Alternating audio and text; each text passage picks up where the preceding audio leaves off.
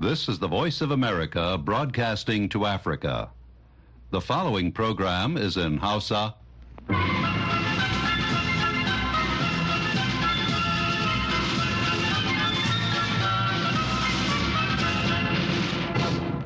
Sashen Hausa na muryar Amurka ke magana daga nan birnin Washington DC.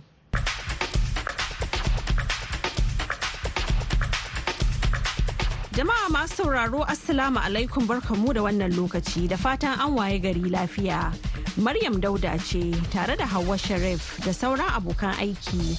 Muke farin cikin gabatar muku da wannan shirin na safe a yau talata shida ga watan Fabrairu na shekarar 2024. To kafin ku ji abubuwan da muke tafa da su da farko ga kanan labarai. Hare-hare ta sama na baya-bayanan da amurka ke kaiwa iraki na ƙara faɗaɗa 'yan tsamar da ke akwai tsakanin washington da baghdad. Masarautar buckingham ta bayyana cewa sarki charles na uku ya kamu da cutar sankara.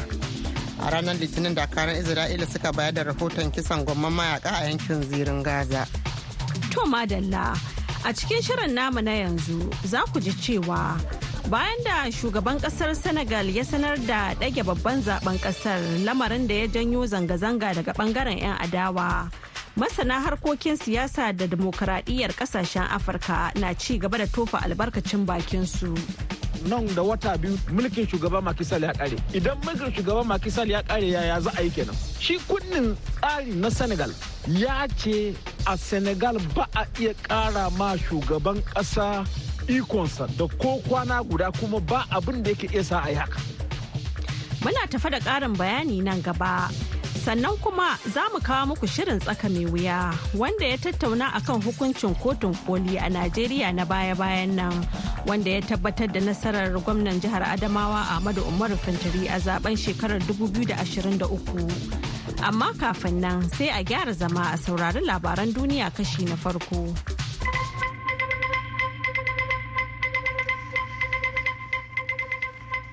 Jama'a assalamu alaikum barkanmu da asuba. Ga labarin mai karantawa hawa sharif.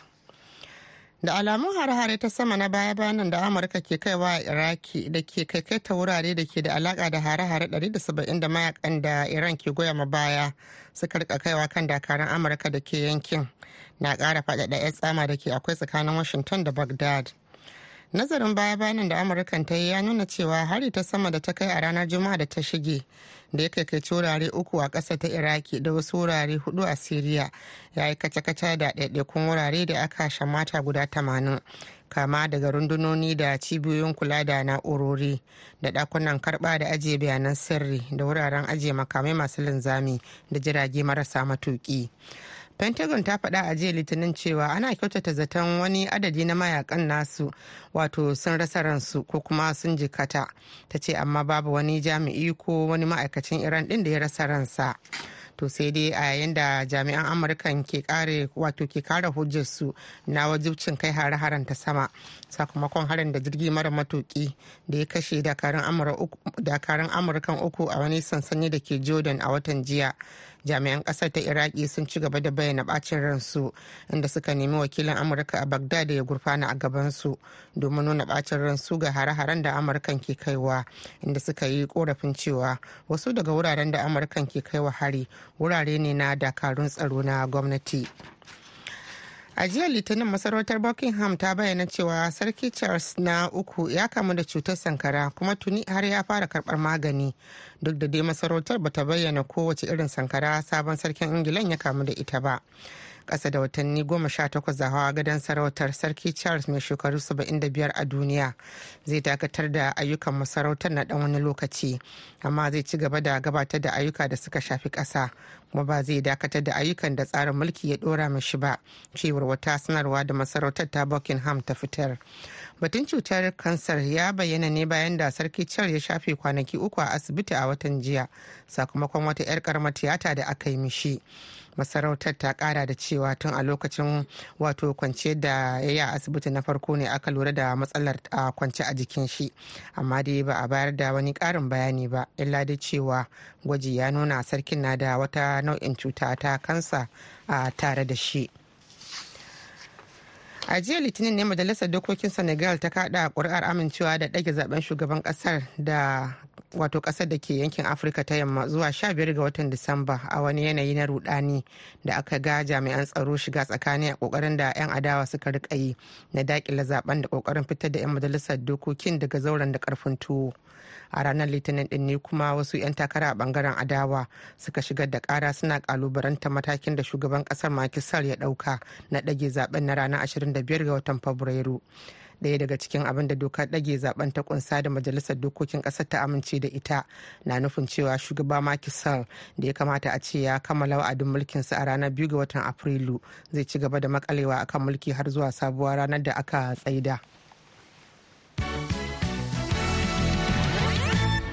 To madalla kafin ku ji ƙarshen labaran duniyar za mu taɓo ɓangaren rahotanninmu. Matakin ɗage zaɓen da shugaba Macky Sall na ƙasar Senegal ya sanar a jawabin da ya yi wa al'ummar ƙasar ta kafar talabijin a ranar Asabar ɗin da ta gabata, wato jajibirin ranar ƙaddamar da yaƙin neman zaɓe, ya ɗauki hankulan masana harkokin siyasa da dimokuraɗiyyar ƙasashen Afirka, yayin da a cikin gida 'yan hamayya suka tayar da tarzoma da nufin ƙalubalantar wannan al'amari da suke fassara shi a matsayin juyin mulki. Wakilin muryar amurka sulaiman mana barma ya hada mana rahoto a kan batun.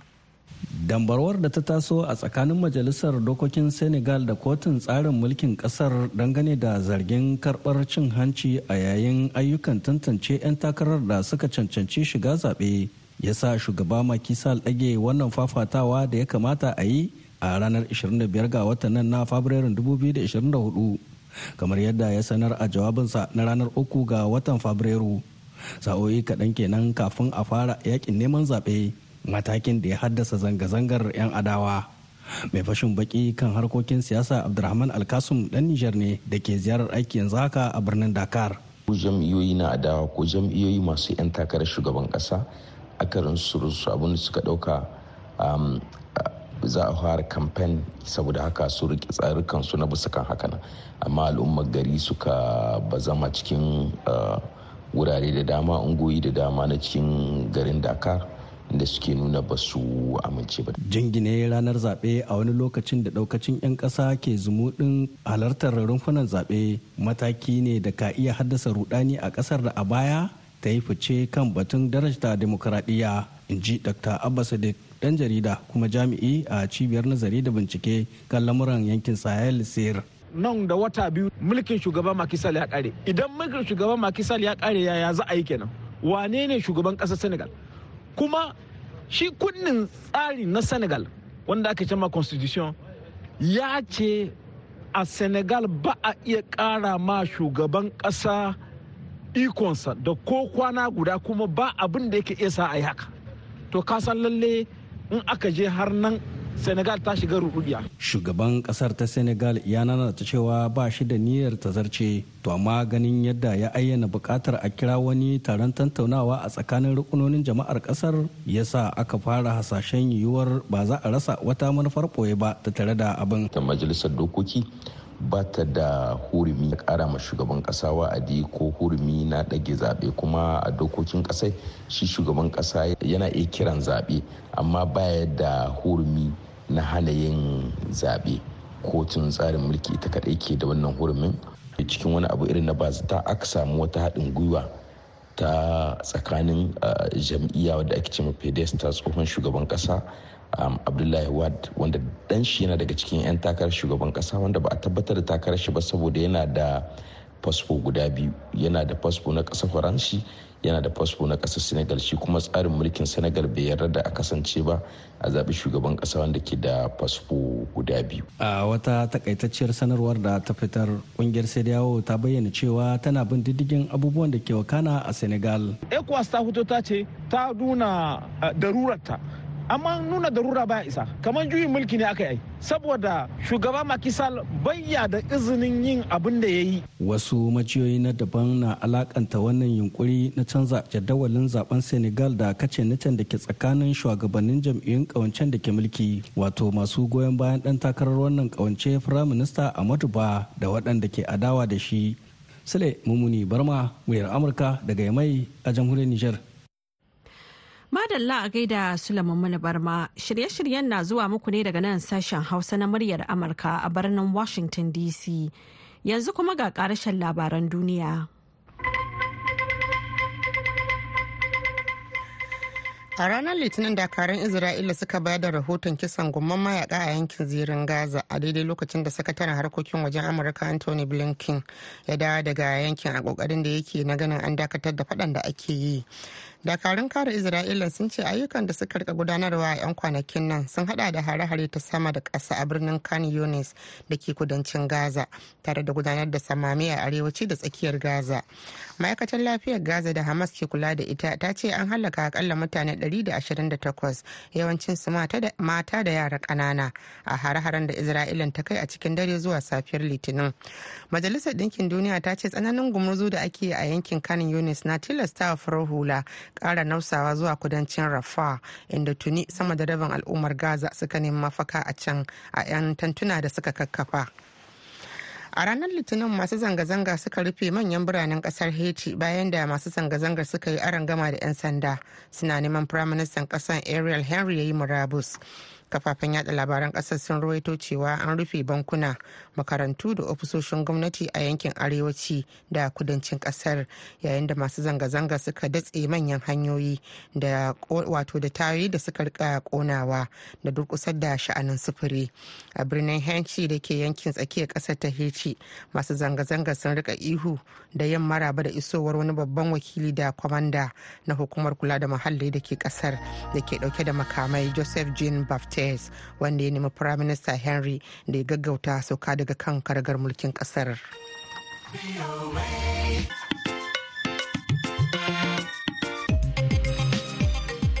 Labaran duniya kuka saurara daga nan sashen Hausa na muryar Amurka a birnin Washington DC. To yanzu kuma za mu koma gefe guda mu ba Aliyu Mustapha Sokoto wuri don ya gabatar da shirin tsaka mai wuya. Tsaka mai wuya. Hato a gurin da dan siyasa wanda ke jam'iyyar APC ba zai iya cewa an yi kare biri jini ba a wannan tafiyar da ake a yanzu. Idan har kes in yi zo gaban kotun koli ba wani tunanin zai sauya ba abin da zai sauya kasancewar tabbatar da abin da suka yi a yau inna shi da su kara yi duk wani shari'ar da zo gaban su mai kama da irin wannan. Jama'a assalamu alaikum. Barkamu da wannan lokaci barkamu da saduwa da ku a wani sabon shiri na tsaka mai wuya.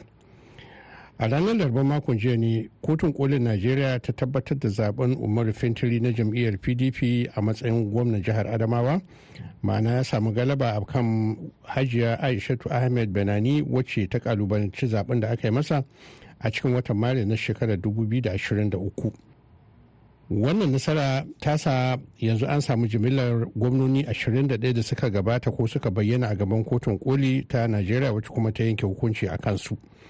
idan ka dubi alkalumar yawan gononin da suka gabata a gaban kotun nan za ka ga cewa jam'iyyar apc da ke mulkin najeriya baki ɗaya yanzu ita ce ta samu gwamnoni a jihohi goma pdp ta samu tara jam'iyyar nnpp ta samu ɗaya leba ma ta samu ɗaya wani abin kula game da wannan shari'o'i na kotun kolin najeriya shine cewa daga cikin dukkan gononin na 21 da aka kalubalanci zabensu ba ɗaya da ta cire dukkansu wanda suke zaune akan kujerunsu za su ci gaba da zama daram damdam akan waɗannan kujeru ɗin. Gwamnoni goma na apc da suka yi nasara a kotun kolin najeriya din sun hada da gwamna hassan aliya na jihar benue da gwamna basi oto na jihar cross river da francis ingufuru na jihar ebonyi da inuwa haya na jihar gombe da ubasani na kaduna da babaji sanwo olu na lagos sauran su ne abdullahi sule na jihar nasarawa da dapo abiyodu na jihar ogun da nasir idris na kebbi da kuma makwabcinsa ahmed aliyu sokoto na jihar mu ta sokoto. To suwaye gwamnonin pdp nan guda tara su ma da suka yi nasara a kotun koli wannan sun hada da shi amadu fintiran na adamawa da umo enu na jihar akwa ibom da bala muhammad kauran bauchi na bauchin da shirib obri wuri na jihar delta da peter mba na inugu da kuma caleb mufon na jihar plateau akwai kuma abu kefas na taraba ga simin na laifu bara na jihar rivers da kuma dauda lawan dare a jihar zamfarawa.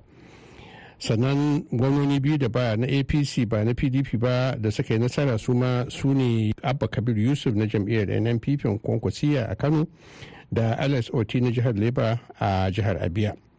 To ya mutane suka kallon wannan shari'o'i? An yi adalci? Sunana honorable awais abdullahi daga kefi local government. Ina ɗaya daga cikin magabatan jam'iyyar pdp mai nasara a nasarawa state. To al hakika dai duk wanda ya bi wannan shari'a din ya san cewa shari'a supreme court sun yi adalci sun gyara abubuwan da bai kamata wanda su appeal court kotun ƙasa kenan suka yi wanda bai kamata ba bai dace ba.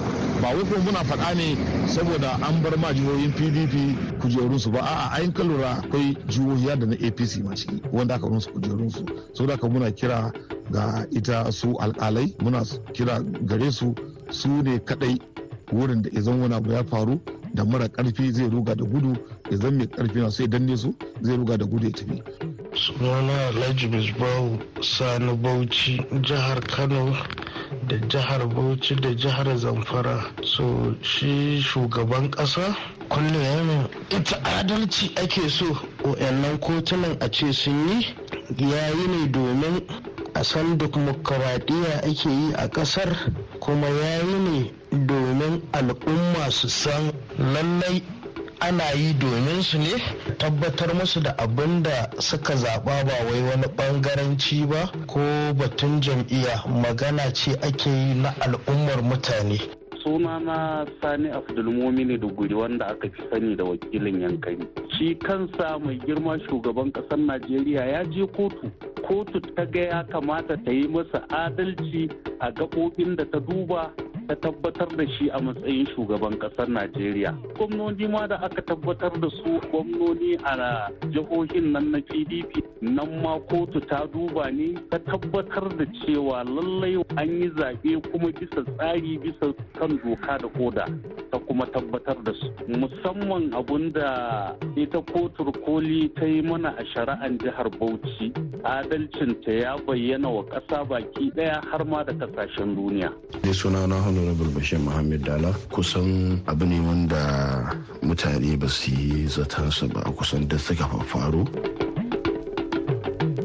To madalla to yau muke kawo muku kashi na ƙarshe na muhawarar da muka yi kwanaki muna ji game da waɗannan shari'o'i na gwamnoni da aka yi a gaban kotun kolin najeriya din kuma yau ma za mu karkare da waɗannan lauyoyin guda biyu masu bambancin jam'iyyu wato barista dahiru abdulhamid wanda shine wakilci gwamnan bauchi a wannan gaban kotu din ta koli da kuma barista yusuf sallo mutum biyu na jam'iyyar apc daga jihar taraba.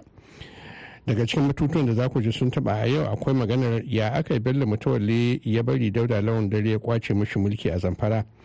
Ya aka yi shi kuma gonan plateau kalib mufuwan shi ma ya tsallake rijiya bayan kuma ya kasa tsallake wannan rijiya har sau biyu a can baya? Ba ta da bata lokaci ba ga nasiru da bakinsa. barista yusuf salo mutum biyu mu koma misali kamar jihar zamfara inda tsohon gwamnan jihar bello matawalle yanzu wanda shine ƙaramin ministan tsaro shi ma ya kai kara ka kotun ɗaukaka kara ta yanke hukunci a soke zaɓen wasu ƙananan hukumomi jin guda uku ne inda aka ɗaukaka kara zuwa kotun koli faɗa mana abubuwan da kuka dogara da su a jihar zamfara da kuke ganin shi matawalle ne ya dace dawo gwamna a lokacin. To, kamar yadda ka sani a jihar Zamfara jiha ce ta jam'iyyar ABC wacce jam'iyya ce ta adawa take mulki a wannan jiha shekara aru-aru. Kuma a lokacin da aka yi wannan zaɓe jam'iyyar apc da ita ce take kan fargami kuma akwai zargin cewa an yi amfani da wato jami'an tsaro gurin murda sakamakon zaɓen da jama'an jihar zamfara suka kaɗawa shi wato tsohon gwamna matawalle wanda duk wanda zai faɗi gaskiya ya san cewa akwai alamun wato haka in a lokacin da aka gudanar da zaɓe akwai alamun cewa an yi amfani da madakan iko daga abuja sojoji da wato police da abubuwa masu kama da wannan gurin ganin cewa lalle bai dawo kan wannan kujeran ba. Duk da cewa akwai wanda suke ganin cewa ya yi bajinta kuma ayyukan da ya kai a ce ya dawo. So kaga ƙarƙashin wannan zaka iya ganin cewa eh lalle haka in ne. Ra'ayin da ake faɗa in ya kamata a ce lalle shi in ne ci zaɓen kamar yadda suka yi ikirari su jam'iyyar APC ta ikirarin cewa su suka ci wannan zaɓen in. Amma lalle an yi amfani da ƙarfi aka juye sakamakon aka aka aka aka aka baiwa wani daban. To amma Yusuf Salo mutum biyu ai lokacin mai mun duba shugaba Muhammadu Buhari ne shugaban kasa kuma jam'iyyar APC ne. Ta ina aka samu jami'an tsaro da suka taimaka wa PDP. A kai malam nasiru kai dan jarida ne kuma ka san abubuwan da suka faru. A idan ya kasance shugaba so da yawa akan samu saɓani za a ga wasu makarrabai ko da ko ba shugaban ba ne ya ce a yi za ga wasu makarrabai wanda suke da wato ƙarfi a hannu sukan yi abubuwan da ya saba doka gurin juya tafarkin adalci su tabbatar da zalunci. Wannan abu ne wanda ya sha faruwa a najeriya ba sai an gaya maka ba. Wato shikenan barista Dairo Abdulhamid kana da abin da za ka faɗa kan jihar Zamfara cewa an yi amfani da jami'an tsaro wajen tsorita masu zaɓe shi yasa jam'iyyar PDP ta yi nasara a Zamfara. To, yalla banka abin da ni nake so ka lura. Idan har mutum ya ce an yi haka ɗin ba ga kotu ba, ta ce fa idan har an yi hakan ka zo gaban kotu ka tabbatar da hakan. Ana shirye da a soke wannan zaɓen a je a sake ka zo kotu ka kawo korafinka a ciki baka iya ka faɗi wannan maganin ba. Sama ka faɗa an ce kawo shaida baka iya ka kawo ba. To idan allah za a yi amfani da magananka a wannan yanayi ba abin da ya tabbata a kotu ta hanyar shaidu shine kotu za ta yi amfani da shi ba? Na yi hira lokacin da tsohon mataimakin gwamnan jihar zamfara hassan nasiha gusau ya ce akwai jami'an tsaro da suka yi ta dukan yan apc a jihar suka ci musu mutunci shi yasa suka kasa ma kada kuri'a da yadda ya dace. Na'am sai suka ki fitowa su yi zaɓe ɗin kenan. Eh sai suka sun ta wato ma'ana yi amfani da jami'an tsaro sun sun taimaka wajen faduwar ita gwamnatin Bello Matawalle a lokaci. To shi ne ai ce maka idan mutum ya faɗa a wannan mai yiwuwa a abin da ya shaida ba ne. Idan abin da ka shaida ne lokacin da ake shari'an nan ya kamata ka zo ka gaya wa kotu ka tabbatar ga abin da ya faru ba ka zo ka faɗa ba. Kaga kenan kamar labari ne aka baka ko kuma kai ma ka ji ne ana faɗa kai ma ka zo ka faɗa. Amma waɗanda suka abin ya faru a gabansu a idonsu ai su ake nema su zo su zama shaida akan haka. Kuma su faɗa kuma kotu ta duba ta ga eh haka ne ta yi amfani da shi. To kai baka zo kotu ba ka je gidajen rediyo ko mene kana kaga wannan kamar sai ya zama wani farfaganda ne na kamfen ko na siyasa. Bari mu kuma wajen yusuf salo mutum biyu mu shiga jihar plateau. Ita kafin a yanke wannan hukuncin za a ce akwai duk 'yan majalisar an kwabar da su na jam'iyyar pdp an dawowa da apc kujerun har shi ma tsohon gwamna simon lalong wanda an ba shi minista ma amma yanzu ya koma majalisar dattawa faɗa mana yadda kuka duba shi sakamakon inda shi ɗan takararku nan tare bai samu nasara ba ƙarshe. To, a ganin gaskiya kes ɗin Plateau shi ma kusan yana da irin kamananiya da irin kes ɗin Kano ta ɓangaren abin da ya fuskanci wato ba da suna ɗan takara da jam'iyyar PDP ta yi. Wanda nan ma kotu ta kotun koli ta bayyana cewa wato jam'iyyar APC ko ko ɗan jam'iyyar APC ba shi da hurumin ya shiga gidan jam'iyyar PDP ya binciki me suke yi. Tunda shi ba ɗan jam'iyya ba ne. Wanda akan wannan kotun koli ta ayyana cewa kamar an ɓata wa kotu lokaci tun daga farko. Shine kamar suka yi suka ba da cewa is abuse of court process. Cewa bai ma dace ba ma asali kamar walakanta ɓangaren judiciary ne a ce an kai an kai abun gaban kotu. Kasancewar ba su da alaka da abin da ya fuskanci congress da kuma primary election na wato zaɓen fidda gwani na jam'iyyar pdp amma kuma abin bakin ciki akwai wanda wannan al'amarin ya riga ya shafe su har sun bar ma kan kujerunsu. Saboda wannan abun nan wato hukunci da kotun kotun ɗaukar ƙara ta bayar of appeal kenan wacce ta bayar tun a baya.